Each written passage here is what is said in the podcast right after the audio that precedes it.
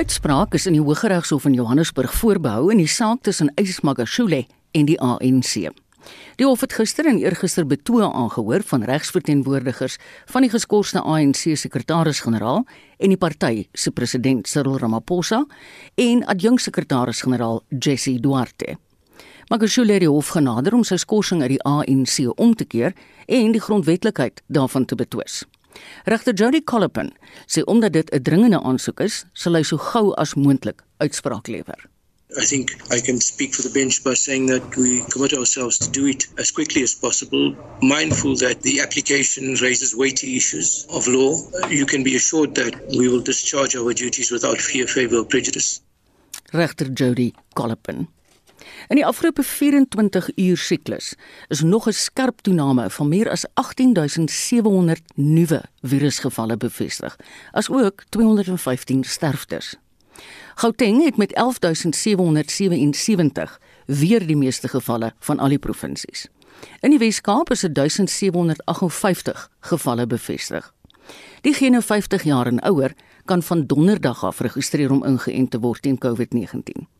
Mense in die ouderdomsgroep sal dan van die 15de Julie af ingeënt word. Dr Kloete van Vuren 'n infeksiesiekte spesialis by 3 Militêre Hospitaal in Bloemfontein, het gister aan Susan Paxton gesê dat dit baie goeie nuus is. Ek dink dit demonstreer maar net daar's baie slim mense wat die regering advies gee. Op daai ministeriële adviesraad is mense skrofies baie sjoek. Hulle kyk ook na dieselfde data en hulle sien dieselfde goed as al die ander mense in die land wat na die goed kyk raak. Dit vat net baie lank om hierdie skip te draai, nee. Jy kan nie elke dag jou planne verander in ander rigting inslaan nie, maar ten minste kyk hulle na wetenskaplike data en as dit oortuigend is dat daar moet rigting verander word, dan doen hulle dit. En ek dink dit is wonderlik. Hoekom is dit juist belangrik dat hierdie groep mense die enstof moet ontvang? Kyk, die risiko, daar's nie afsny ouderdom waar dit skielik ophou of begin. En ek dink die aanvanklike plan was maar om te sê, luister ons beperkte voorraad beskikbaar, so waar gaan ons die grootste opbrengs op ons belegging kry? en dit was nog sê tussen 60 en 80. Maar enstof op die rak help absoluut niemand. So as daar genoeg enstof beskikbaar is en ons weet dat die mense tussen 50 en 60 het op die stadium omtrent dieselfde sterfte koers en risiko vir ernstige siekte as die tussen 60 en 70, dan moet ons dit afdruk. En hierdie oordrag en druk op die hospitale alles word daardeur aangespreek. En soos jy my gevoel is as die enstof in die land inkom met dit gespuit word, dit moet nie 'n dag op 'n rak spandeer. Dit beteken vir niemand enigiets. Ons soek nou navorsing wat bekend gemaak is oor die doeltreffendheid van die enstof. Iets wat die minister genoem het is dat dit die verspreiding van die virus keer. Hoe werk dit?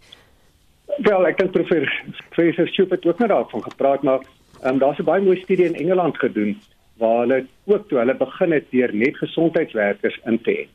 En onthou nou al die gesondheidswerkers wil nie ingeënt word nie. So party weier dit. En toe gaan kyk na die mense in die huishoudings van hierdie gesondheidswerkers.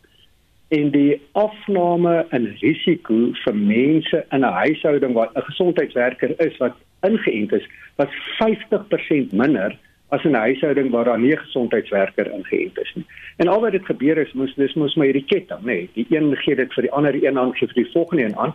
Nou skielik breek jy daai ketting. So daai gesondheidswerker is ten minste een wat dit nie in die huishouding kan inbring en die ander aansteek nie. En hulle kan nog steeds van buite aansteek as hulle wil, maar dit het 'n 50% verlaging gebring in die risiko. En ek dink dis wat hy ook nou net gesê het. Hoe meer mense ons inent, hoe minder word die risiko vir die bevolking as geheel en dis waar ons mik.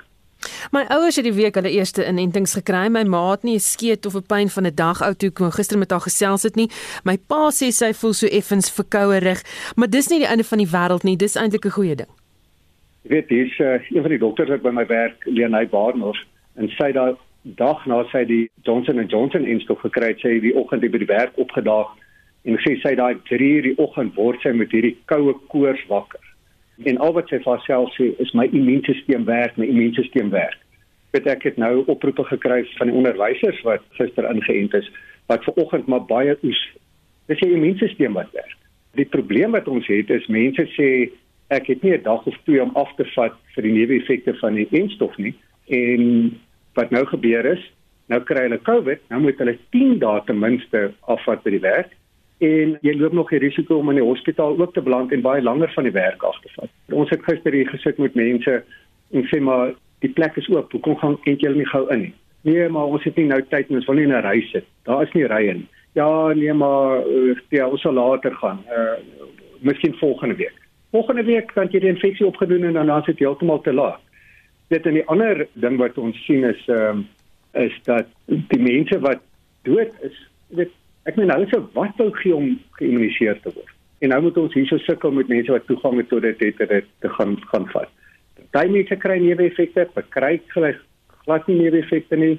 Jou immuunstelsel kom aan die gang en beskerm teen die COVID en dis wat ons wil hê.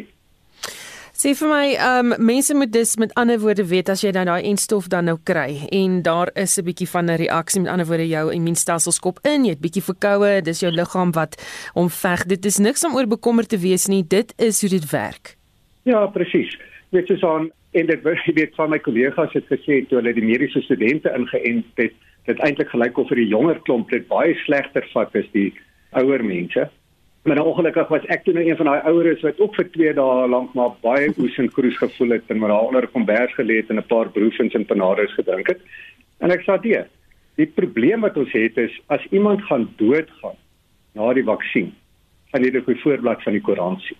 Maar ons sien elke dag op die voorblad van die koerant honderde mense wat in COVID doodgaan. Daai klompie wat doodgaan is weglaatbaar klein. Daar's iemand sien ek in 'n koerantberig wat in die ry gewag het. Ek is so dankbaar dat dit voor die inenting gebeur en sy's nie dood na sy die inenting gekry het. Kan jy nou dink? Om vir nou 'n mooi voorbeeld te noem. In my maand in Amerika het hulle 18000 sterftes gehad. 99.2 van daai sterftes was mense wat nie ingeënt is nie. So uit die 18000 sterftes was daar 50 sterftes van mense wat die vaksin gehad het. En uh nou moet jy onthou, party van hierdie mense is oud, bedlêend in versorgingseenhede en dit gebeur. Maar 50 uit die 18000 het die enstof gehad. Die res is almal mense wat nie ingeënt is nie. As jy gaan kyk na hospitalisasies, is daar in my maand 853000 mense in die hospitaal opgeneem met COVID-infeksie. 99.9% van daai mense was nie ingeënt nie. Hierdie enstof werk ongelooflik goed. Ons moet dit kry en onsself uit hierdie gat uit kry dat ons kan aangaan met ons lewens en kan gaan troues hou en kerkdienste en sinfonieorkeste bywoon en musiekuitvoerings van beleef. Dis wat ons tog wil hê. Maar nou sit ons hier so en probeer mense oortuig om te gaan inent. Dit het gaan rof op die oomblik. Julle ouens is aan die voorpunt van hierdie geveg. Ehm um, hoe voel jy? Jou kollegas, hou julle kop bo water. Julle is die ouens wat die families moet sê luister ek jammer, maar jou familie het dit nie gemaak nie. Ja, weet jy, dit is uh, dit aan die een kant is dit is is dit swaar, maar dis ook 'n voorreg van 'n dokter, nee, is om om by mense te kan wees in hierdie swaar tye. En uh ek het mense wat ek baie goed ken wat mens deel is van dit. Dit is baie sleg, weet. Maar dit is nie net vir die dokters nie. Ek dink een wat die swaarste kry is ons verpleegpersoneel. Jy weet, ek stap daarin en ek stel 'n paar goed en ek stap weer uit of skryf net 'n voorskrif. Daai verpleegpersoneel sit daar en sien fisies hoe gaan daai mense dood. My predikant sê vir my, jy weet, hy neem nou vandag die diens op vir Sondag se uitsending. Môreoggend begrawe hierdie een vriend van ons en dan môre middag moet hy een van die rugby spelers se troue vir hom hou en by elkeen van daai geleenthede moet hy lyk like asof hy pas by daai ding. Met dit dit die swaar en die en die emosionele druk uh gaan in die hele gemeenskap. Kan dit wegkry deur almal net wil gaan in so sê dokter Kloete van Vuren, 'n infeksiesiekte spesialis by die Drie Militêre Hospitaal in Bloemfontein, gister in gesprek met Susan Paxton. Intussen het die Menseregte Kommissie toestemming verleen dat dele van die Charlotte Maxeke Hospitaal heropen moet word. Dit verhoog die gesondheidsvoorsieningsvermoë in die provinsie wat deur daaglikse COVID-19 infeksies getuister word.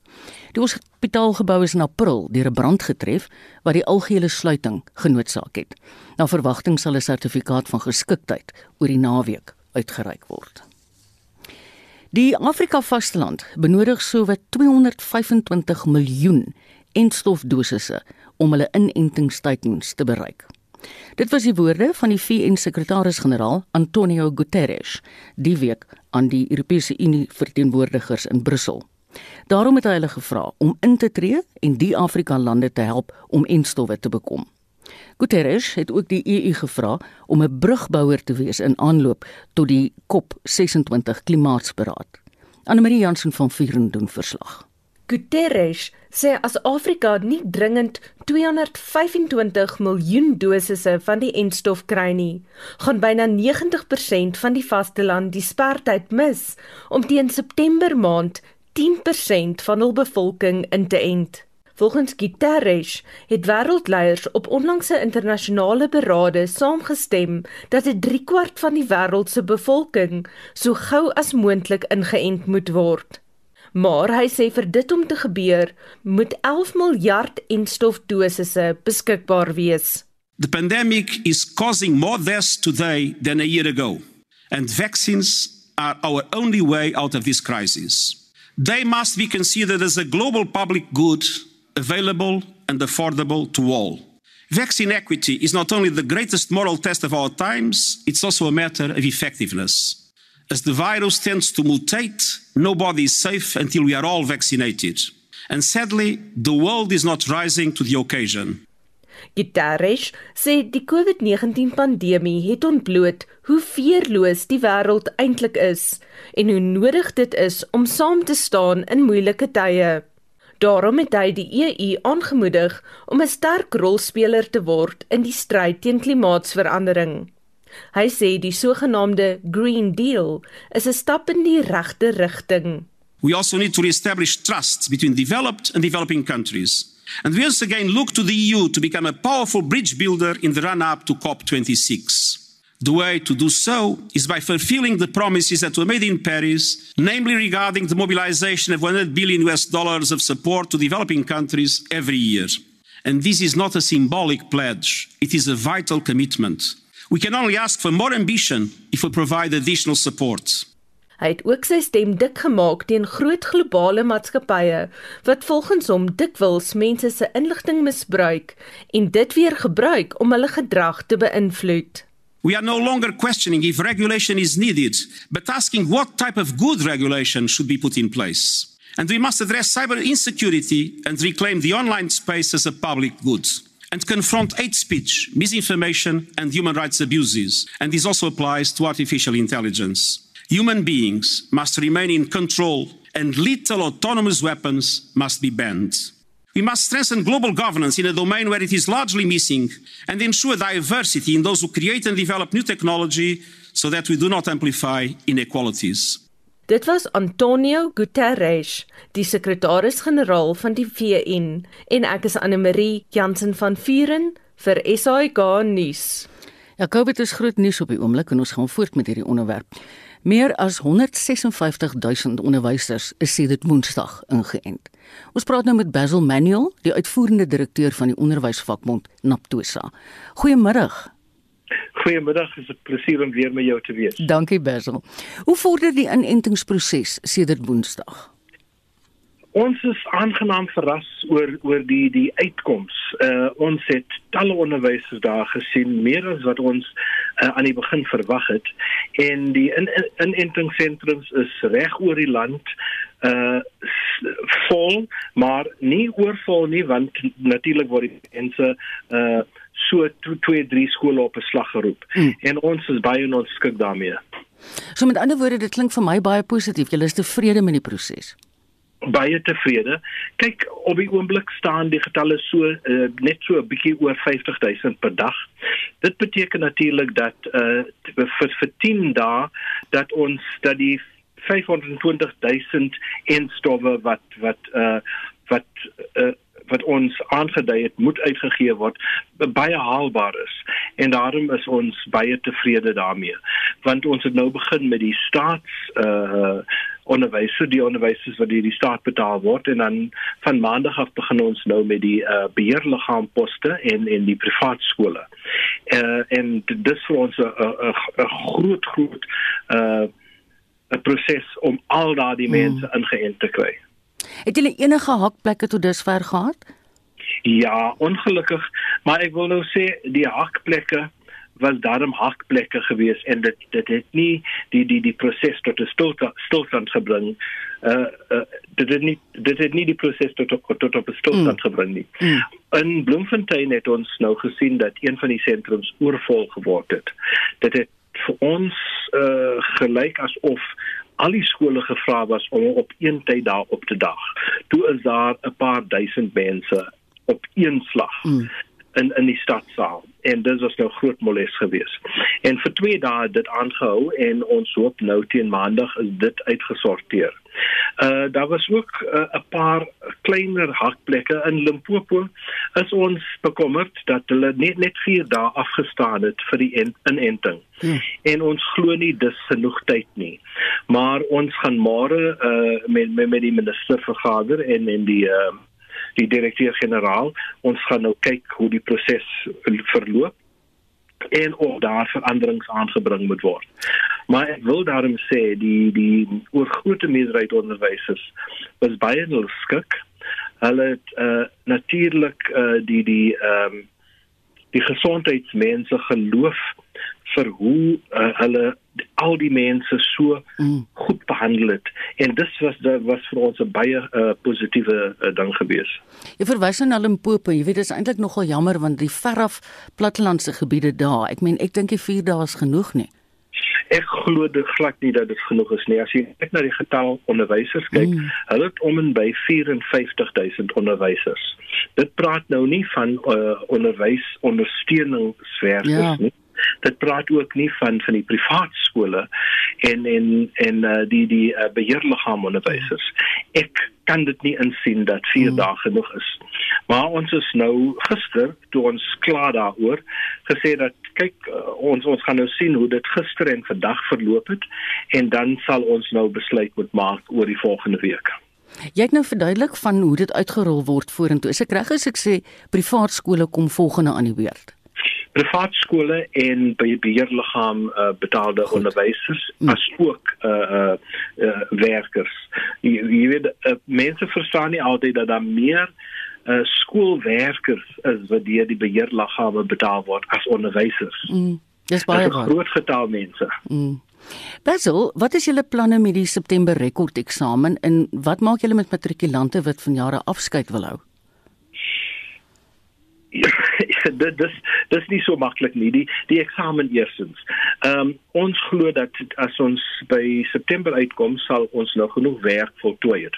Onthou een van die hakplekke in Junie maand was dat baie van van die leerders in graad 11 uh eh, baie belangrike boublokke verloor het en uh, onderwysers moet nou moes nou hmm. terugstap na graad 11 werk en hulle teen teen uh, Junie maand nie genoeg werk voltooi het voltooi nie.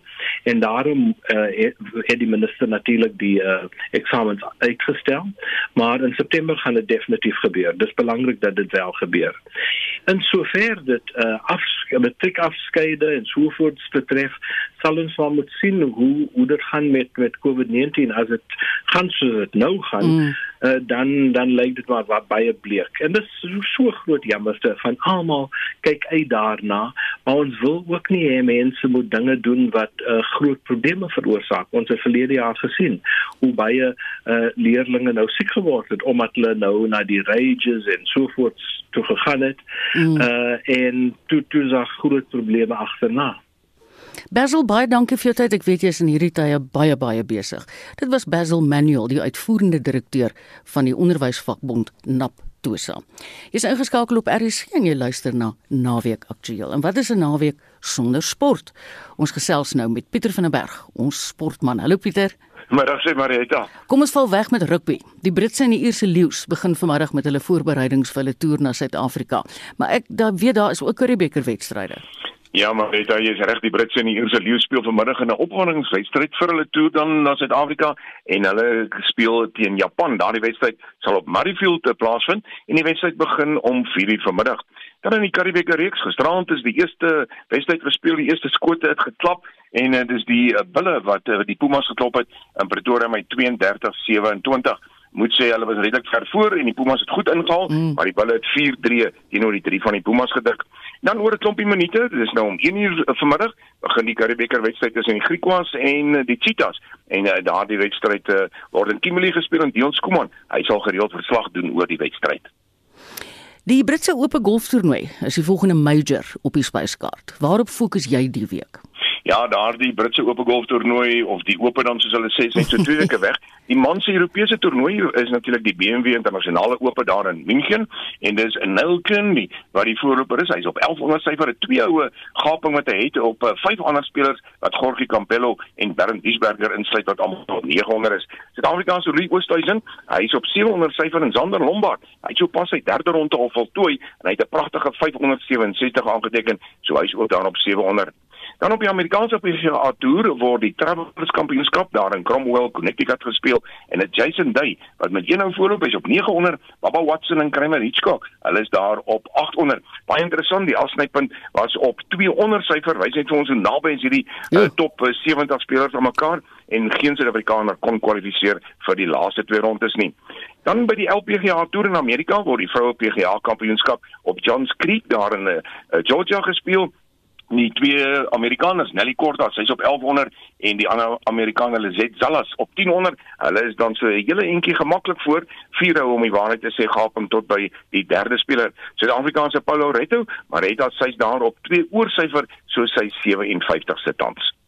Pieter verlede naweek het Mark Marquez en Lewis Hamilton die gitaar geslaan op die renbaan. Is dit weer so besige naweek? Ja, maar ja baie beslis. Uh, Mark Marquez het gister die teer geslaan om die waarheid te sê. Hy het baie hard geval tydens een van die oefensessies daar vir die MotoGP. Dis dan natuurlik Nederland se en het word op die Assenbaan gejaag.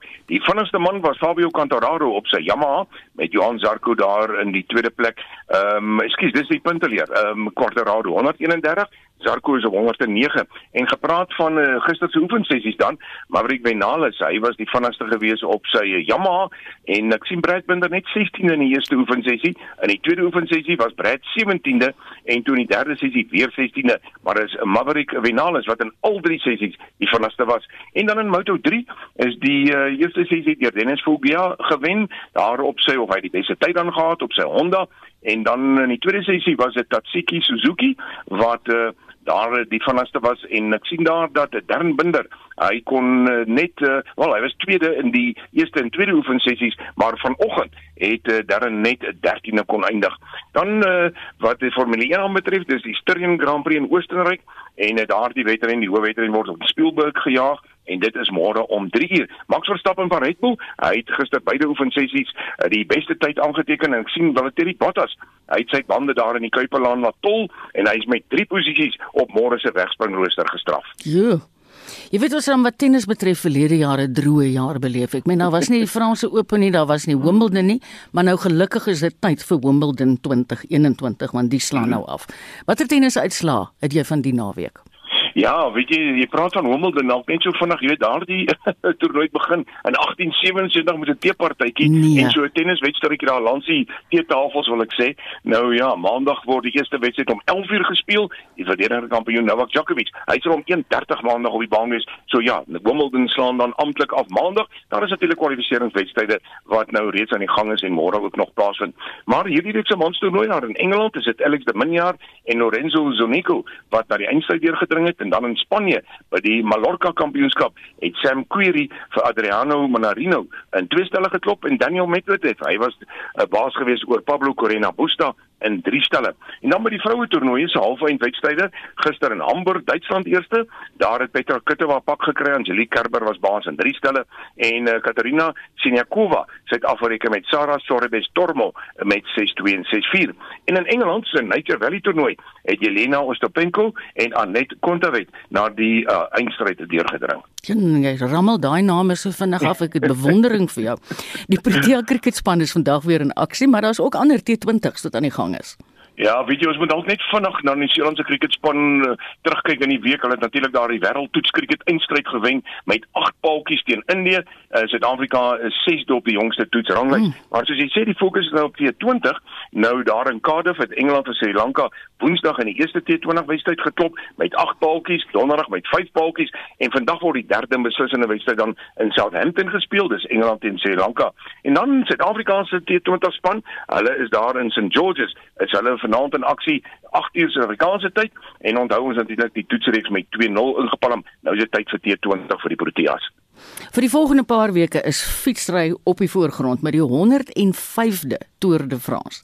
Fietswedering en ek dink hy begin vandag, is ek reg? Ja, my waarheid is sê so 31 minute gelede het 23 spanne met 8 lede elk weggespring en uh, dit is natuurlik hulle sal oor 21 skofte wat oor 33 dae versprei is. Daar's net twee rus daar sal hulle nagenoeg 3500 km aflê hmm. en dan eindig daai toer op 18 Julie. So dis die hele 3 weke van uh, aksie en uh, so 'n klompie minute soos ons sê gelede het 'n aanvang geneem. Daardie eerste skof is van Brest na Landernau en ons sien daar dat uh, die afstand is 197 1.8 km en is in die berge vandag. Jo, dit gaan mooi wees. Pieter, laasens wat gebeur die naweek op die sokkerveld? Net kortliks vandag in die UEFA se Euro 2020 is dit Wales teen Denemarke om 6uur, dan vanaand 9uur Italië teen Oostenryk Dan die CAF Kampioenligga is daar 'n belangrike wedstryd vir Kaizer Chiefs om 6:00 vanmiddag in die FNB stadion. Dis teen Wydad Athletic Club en dan al al hey, hulle speel vanaand om 9:00 teen Esperance. En uh, Fritz Klaaste, hy skryf vanmiddag van 3 tot 6 agter die mikrofoon in hier in die RSG se sportateljee en dan ek sal maandag weer in monitor oor die jongste uitslae gesels Marita. Ja, jy gaan lekker hard werk die naweek. Baie dankie Pieter. Dis Pieter van der Berg van RSG Sport. Man en die wêreldrekordhouer in die 400 meter hier van Suid-Afrika, Wade van die Kerk, het uiteindelik die Suid-Afrikaanse span vir die Olimpiese spele in Tokio gehaal. Van die Kerk het Saterdag 'n kwalifiserende tyd van 44,56 sekondes by 'n byeenkoms van Wêreldatletiek se kontinentale toer in Madrid aangeteken. Die spele begin op 23 Julie en meer as 200 lande sal in 50 verskillende sportsoorte teen mekaar meeding. Vincent Mofokeng doen verslag. 'n Maand gelede het Saskok sy eerste groep atlete aangekondig wat die land by die Olimpiese spele gaan verteenwoordig. Daar was noemenswaardige weglatings. Twee Olimpiese goue medaljewenners in Rio 2016, Wade van Niekerk en Caster Semenya, was nie deel van die atletiekspan nie. Van Niekerk, die wêreldrekordhouer in die 400 meter, is in die FSA waar hy hom voorberei om sy kwalifiserende tyd te haal In sy poging om 'n verlede maand in Boston te bekwam, het hy 'n terugslag gehad. Maar 'n week gelede het die 28-jarige gekwalifiseer met 'n tyd van 44,56 sekondes in Madrid. Dit was 'n groot verligting vir die Olimpiese kampioen. It was definitely a bit of a, a roller coaster, especially after the Boston meeting, having a bit of a, a setback, uh, trying to build some momentum for the season. And as I crossed the finish line in Boston, I realized that it wasn't anything serious. So, first race in Europe, got the qualification. So, that was a nice factor to get behind me now. And I guess a, a positive breakthrough as well that I see. Die Johannesburg gebore Tatiana Skoenmaker is verpletter toe sy gekies is vir die Rio 2016 spele nie. Aangevuur deur die teleurstelling is die 23-jarige 'n goue medalje bedreiging. Sy is 'n 100 en 200 meter borsslag spesialis. Soos ander wat in die groep opgeneem is, sien skoenmaker uit na die spele. I think because we've been waiting an extra year, it almost feels like we've been waiting so long. So the extra year is just that extra build up. but knowing that it's like five weeks already or well 30 days is crazy so yeah i'm very excited and i can't wait penelope heinz by die 100 meter en 200 meter borslag by die olimpiese spele in atlanta in 1996 gewen het bly die enigste vrou wat albei die afstande in die olimpiese spele geskiedenis kon wen in tokyo sal suid-afrika onder meer ook fietsry roei seil tennis en rugby sewees verteenwoordig. Die verslag is saamgestel deur Umduduzi Ndlovu. Ek as Vincent Mufokeng vir SAI Garnis. En om aan te sluit by wins, die KwaZulu-Natalse branderplankeryer Jody Smith sal Suid-Afrika vir die eerste keer tydens die spele verteenwoordig.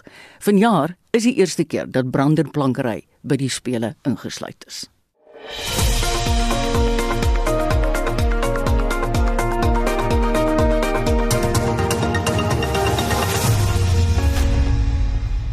Om 'n masker teen COVID-19 te dra is belangrik, maar dit kan dalk vervelig raak tensy hy een van 'n superheld self ontvang.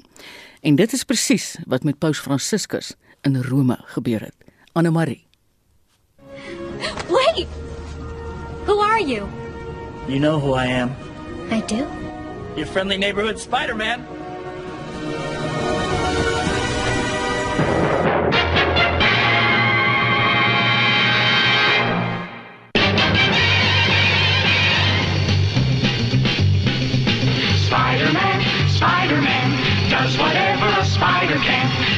web any size, catches thieves just like flies. Look out, here comes the Spider-Man.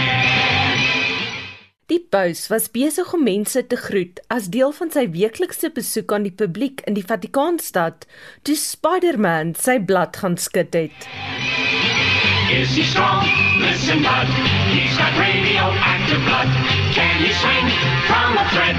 Take a look overhead. Hey the Spider-Man. Terwyl mense op Twitter weens die foto's gespekuleer het of die paus dalk 'n kameerrol in die volgende Spider-Man fliek gaan kry, het die media gou die man in die Spider-Man kostuum se ware identiteit ontmasker. Die 28-jarige Mattia Villardita, self 'n Katoliek, bestuur 'n welsynsorganisasie wat spesifiek op kinders fokus wat siek is. Daarom dra hy gereeld hierdie kostuum as hy kinders in hospitale besoek, selfs tydens die COVID-19 pandemie. In the chill of night, at the scene of a crime, like a streak of light, he arrives just in time. Spider-Man, Spider-Man, friendly neighborhood Spider-Man, wealth and fame, he's ignored. Action is his reward to him. Life is a great big bang. Volgens Villardita het die paus dadelik geweet wie hy regtig is en gevra dat hy hoop aan die siek kinders van Rome moet gee. Villardita het ook 'n Spider-Man masker aan die paus oorhandig. So nou bly die vraag op die Twitterraadie se lippe: Wanneer of waarheen gaan die paus sy nuwe masker dra? Spider-Man, Spider-Man, friendly neighborhood Spider-Man, fame, he's ignored. Action is his reward to him. Life is a great big bang. Wherever there's a hang up, you'll find a Spider-Man. Ek is Anne Marie Jansen van Vuren vir SAK nuus. En bly gerus ingeskakel. Anne Marie kom net nou weer aan die beurt wanneer sy oor animasie gaan gesels. Maar nou eers in ons weeklikse motorrubriek. Toets Wessel Pretoria se 'n Peugeot. Deesdae baie kruisvoertuie mededingers in die klein na medium klas, so Mazda CX-3 grootte. Peugeot het onlangs in die segment sy nuwe 4,3 meter lange 2008 bekend gestel. En wat 'n aantreklike wa, 'n romplein wat geleidelik hoër strek na agter, rondom interessante styleringselemente met LED katklou-agtige voor- en agterligte. En op my GT-Line toetsmodel 'n driedimensionele sierrooster wat bestaan uit vertikale kroomstrepe op 'n swart agtergrond en die kenmerkende leeu-kenteken. Ook die binneruim is stylvol met sagte, hoë kwaliteit materiale wat ingespan word. Die instrumentpaneel is driedimensioneel en die klein stuurwiel werk goed. Jy kyk bo oor die stuur na jou instrumente. Klein klavierklawer tipe skakelaars vervang die tradisionele draaiknoppe. Slegs voorwielaandrywing, maar hy bied 'n elektroniese ewenaar wat ekstra greep gee. Behalwe 'n normale stelling, kan jy ook modder, sand of 'n sneeuopsie kies.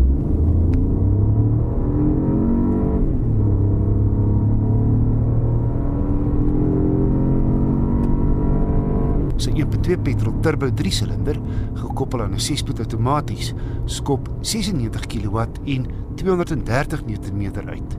Genoeg woema om flink verby te steek. Sy wrinkragsyfer is hoër as die kompetisie se. Ek het 'n billike 7,4 liter per 100 km op my gekombineerde stad-oopadroete gemeet. Wat ook opgeval het, is sy goed gebalanseerde padgedrag en ritgehalte. Nee kyk, Die Peugeot 2008 GT Line sit nie 'n voet verkeerd nie. Hy is opvallend aantreklik binne en buite en gee premium gevoel in die kajuit. Die topmodel kos 489.900 rand. Nie goedkoop nie, maar hy is besonder volledig toegerus. Ek dink tog die goedkoopste model, die Active, teen 365000 bied beter waarde vir geld met onder meer Android Auto en CarPlay. Tog beheer, outomatiese ligte, drie sensors, ses ligsakke en stabiliteitsbeheer as standaard. Die Allure model voeg voorste sensors, 'n trikamera en LED-ligte by. Die GT line van die Lexus en verder met 'n groter 25 cm sentrale skerm, 8 kleurbeligtingopsies, 'n kabellose selfoonlaaiplek en blinde kol waarskuwing om net 'n paar van sy kenmerke te noem.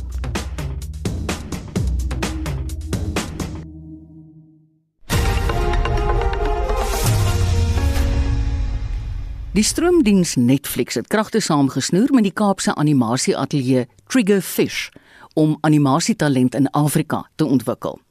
Dit volg op die afgelope week se Annecy internasionale rolprentfees waar die kollig op Afrika animasie geval het.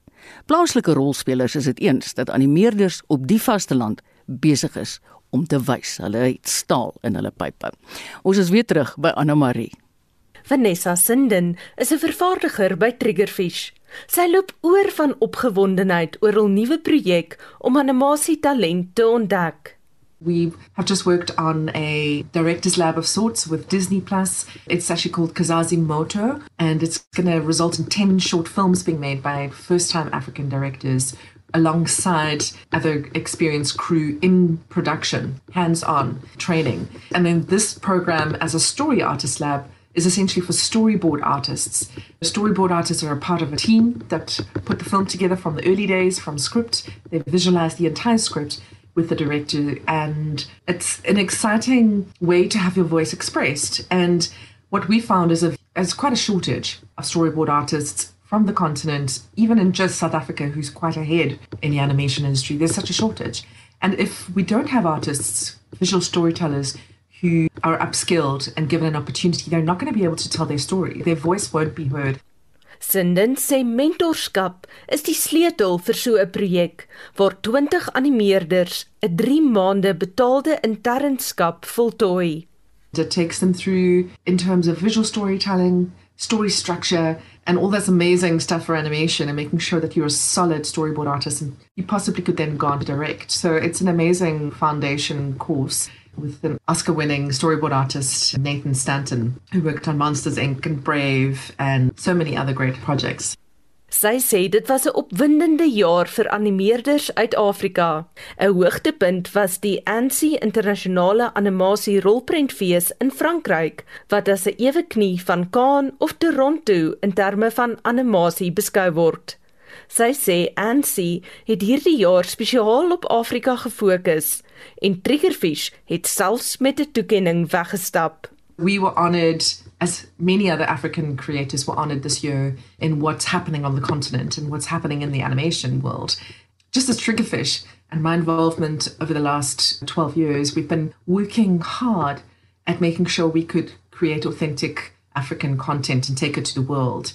And that takes a lot of work and a lot of time and investment and a lot of opportunities like these accelerator programs. And you now see the fruit of that. And you get a year like this year where there are multiple things happening and you actually can't keep up with the good news about what's happening on the continent with Disney, with Netflix, with Turner, Warner Bros. It feels like Africa really has exploded and it's coming into itself and there is a bit of a renaissance. Met die vorige opleidingsprojek was die eindresultaat 'n Afrika animasiereeks wat vir Netflix ontwikkel is, waar net vroue agter die stuur was. So watter Afrika lande staan uit in die animasieveld? There's no doubt that all eyes are on Nigeria. You know, Nigerians are naturally just go getters, they are entrepreneurs in every industry. That's no different within animation. You know, animation is extremely expensive, so Nigerian studios have gone straight to digital comics and they're trying to create sales with their stories through visualizing it as a comic and putting it online and selling it that way. And there's a huge following.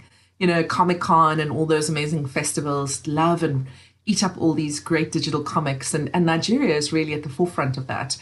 Zambia is also wonderful, and we've got an amazing woman leading in Malenga Mulendema, who created Mama K's Team 4. She's based in Lusaka. We also have Nyendo Mukai, and an amazing Kenyan director. And it's interesting because Nyendo Mukai, she directs her own things, she draws, she animates, she does the edit, she does the voices. You know, that's kind of how we have to go when you don't have budget. You have to kind of like, you know, MacGyver this together. Sinden sê die werk van Egiptiese animasiekunstenaars slaan ook haar asem weg. The amount of talented concept artists and 2D, the traditional 2D animation artists, is wonderful in Egypt, especially in Cairo. There's studios like Giraffics that have got some amazing projects out, and they really are excellent at what they do. So Egyptian artists are also very much at the forefront. Vanessa Sinden, 'n vervaardiger by die Kaapse Animasie Ateljee Triggerfish. Anne Marie Jansen van Vuren vir SAK nuus. Vertrou Anne Marie om vir ons sulke interessante stories te bring.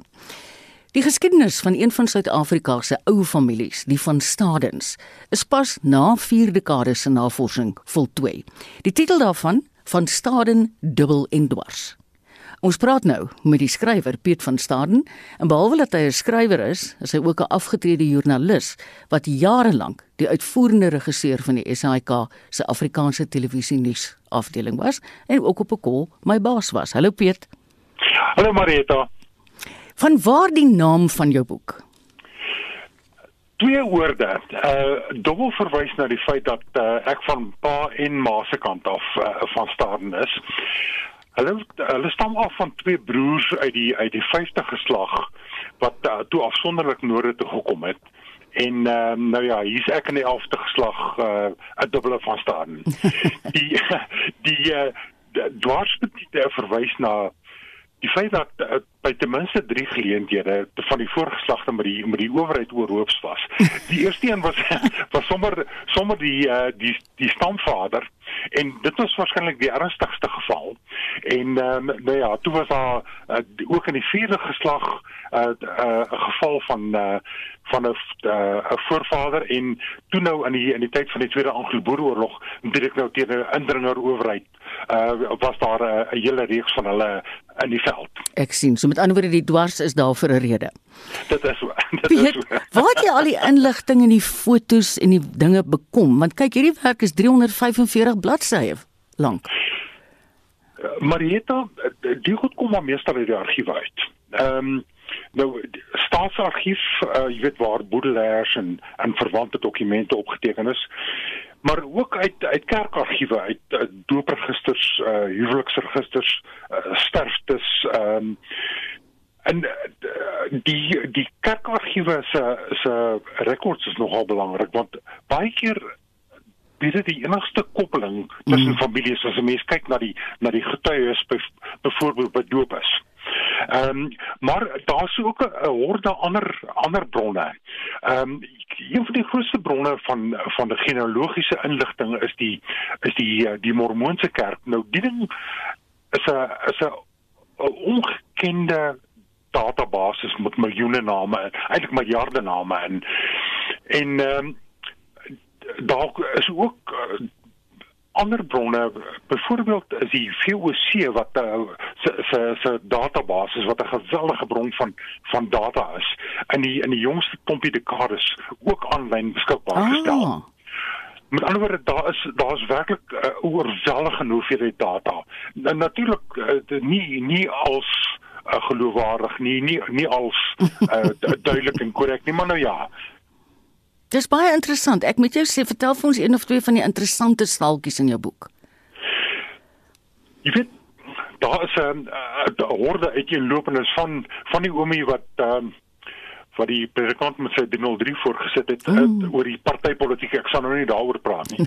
maar net net- net om 'n om 'n voorbeeld te neem uit die uit die vierde geslag uit. Ehm um, die die die derde geslag ehm um, se stamvader of of se se se hoof was 'n kerel met die naam van Martinus van Staden. Hy is die ou na wie die van Staden rivier vernoem is en die O. en later die die brug in die in die Veldblom reservaat. Nou eh, d- d- hy en 'n en 'n 'n Botha vrou het nege kinders gehad. En kom ons kyk net aan die middelste soort van vyf van hulle. Ehm um, die vierde een was Elsje en sy is getroud uh, met Hans Jurgen Potgieter. Nou hulle uit hulle nageslag het Paul Kreur se ma gekom. Hmm. Ehm um, 'n agteroude kleinseun van hulle uh, was kommandant Hans Dons Lange.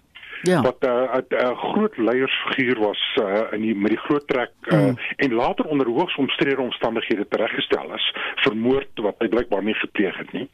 Ehm um, 'n verwante van hom was Hermanus Stefanus uh, wat 'n volksraadslid was in Natal en uh, die die pa die die uh, die man van van Elsia uh, was verwant aan Andries Hendrik Potgieter se Wow. se voorgeslag. Goed, dis die dis die vierde kant. Die vyfde een was 'n 'n vrou genaamd Katarina Maria en sy het getrou met ehm met Petrus Hendrik Ferreira. Hy was 'n 'n seun van die van die Ferreira stigter in in in die Ferreira stigter was 'n 'n skipbrekeling, 'n Portugese skipbrekeling ehm um, uh, in Tafelbaai. O ja. Nou uh, uh, Petrus Hendrik die seun het 'n groot wildjagter geword en hulle het 'n skoondogter gehad wat ook 'n Ferreira was wat die wat die uh, die noemnaam gekry het Kwai Martha. en is, is, is, sy het reg gestaan in die swarte omgang op 'n op 'n rits aanklagte insluitend moord op slavinne en so aan. En uh, sy's meestal uh, skuldig bevind sy is op een geringe aanklag is sy skuldig bevind maar die, op die op die res is sy vrygespreek. Ken. Nou die die vierde uh, die vierde geval um, is die sesde kant Jakobus Frederik. Hy's hy's vir my interessant omdat ehm um, omdat hy ehm um, die die eerste Jakobus Frederik uh, in die familie is uh, daai is 'n is 'n een van die bekendste name in die in die vanstaande familie. Maar hy uh, het 'n klomp seuns gehad van wie twee my pa en ma se mense was. Mm. Maar maar hy hy is die ou wat deurmekaar geraak het met die met die owerheid. Hy en 'n en 'n en 'n man wat in die Landkloof gebly het, een van die debuise, het by die landdros gaan kla oor een of ander geweld wat hulle aangedoen is. Uh, Dis nie duidelik wat se geweld nie. En hy sê toe hulle het hom gedreig en so aan, hy het hulle in hegtenis laat neem en hulle is vir 2 jaar en 7 maande in die kasteel aangehou. Nooit nooit 'n vo volledige verhoor gekry nie. En na 2 jaar en 7 maande is hulle is hulle vrygelaat onverwaarlik. En ehm um, hy self is dood uh enkele jare later uh op 44 en uh, as 'n arm man so arm dat sy kinders trouens nie uh nie sent uit die uit die uit die boedel uit geërf het nie. Die die, die volgende uh figuur is Johannes Wilhelmus. En uh hy het 'n kleinseun gehad um met die naam van Jan Viljoen. En die Jan Viljoen Hoor jy my? Ek hoor jou absoluut. Ek is verstom want ek het vir 'n Jan Viljoen ook gewerk. Ek wil hoor wat kom. ja, maar dis nie daai een nie. O, okay. Hierdie hierdie een uh, uh, was 'n was 'n kleurryke figuur wat in die, aan die slag van Boomplaats deelgeneem het en uh, hy's toe hy's gevang en hy's later vrygelaat. Is daar? In die naam van ver genoeg. Ehm um, ver genoeg van die van die Britse oorheersing af. Mm. En ehm um, hy het toe deelgeneem of hy hy het gehelp om om die die sogenaamde volksleer te lei in 'n in 'n in 'n burgeroorlog teen teen Paul Kreur se se staatsleer. Mm. En dit het gegaan oor die oor die afset van Martinus Wessel Pretorius wat wat destyds ook president was van die van die Vrystaat. Mm. Nou nou die ding het het het, het bloed laat vloei. En en op die ou en het Jan Viljoen se se se groep uh, verloor. Oh. Maar goed, die Viljoen het het 'n paar ander goed gehad. Hy was 'n 'n 'n groot wildjagter en hy is die eerste witte blykbaar wat wat toegelaat is om om te jag in wat nou Zimbabwe is. Mm. En hy het ook vir Frederik Selous op sy eerste jagtog Ah. so toegeneem. Nou volgens oorlewering is hy die eerste witte wat die Victoria Waterval gesien het 3 jaar voor voor David Livingstone. Is jy ernstig? Ja, ja. Nou Ja. goed, die, die die die laaste geval van hierdie klompie kinders uit die vierde geslag is Anna Margareta. Nou sy het getrou met 'n met 'n kerel met die naam van Pieter Christian de Jager. Mm. En hy het hy vroeg dood. Uh, sy was 'n weduwee op 21 met 'n kind. Ag, foto. Toe trou sy met 'n met 'n kerel met die naam van Hermanus Steyn. En hy het die sogenaamde president geword van die Swellendamse Republiek. Ehm um, en um, en jy weet sy eie stukkie geskiedenis geskryf. Dis die, die merkwaardige verloop van een enkele gesin. Dis ongelooflik, Piet. Ek wil net vir mense wat laat ingeskakel het sê, ek is op die oomblik besig om te gesels met Piet van Staden. Hy het nou die geskiedenis regtig waar deeglik nagevors van die van Staden families. En die boek se naam is Van Staden dubbel en dwars. Jy weet Piet, ek dink as iemand nou nie aan van die begin af geluister het nie en hulle gaan nou belangstel in die van Staden se geskiedenis, waarop aarde kan geïnteresseerde luisteraars kontak maak met jou? Goed, kom ek gee 'n uh, e-posadres. Ehm um, dis Piet van Staden 93 syfer 9 syfer 3 Piet van Staden 93 by gmail.com. Maar hoe lank het jy aan die jy sê 4 dekades? Wat jy hierdie nagevors het? Marieta, ja. So tussen tussen groot werk hier so wat jy weet. Ai man. Um, nee, ekskuus, die tyd haal ons verskriklik in, maar ek wil net vir jou sê baie mense gaan jou pla. Ek hoop jy weet dit. Piet, baie dankie vir jou tyd en groete by die huis. Dit was Piet van Staden, die skrywer van die boek Van Staden dubbel en dwars. Dan sy e-pos Piet van Staden 93 by gmail.com. Ek hoop die van Stadens kom reg. Ek groet namens Wessel Pretorius Hendrik Martin en Daitrin Godfrey. Geniet jou hele naweek in die geselskap van RSG.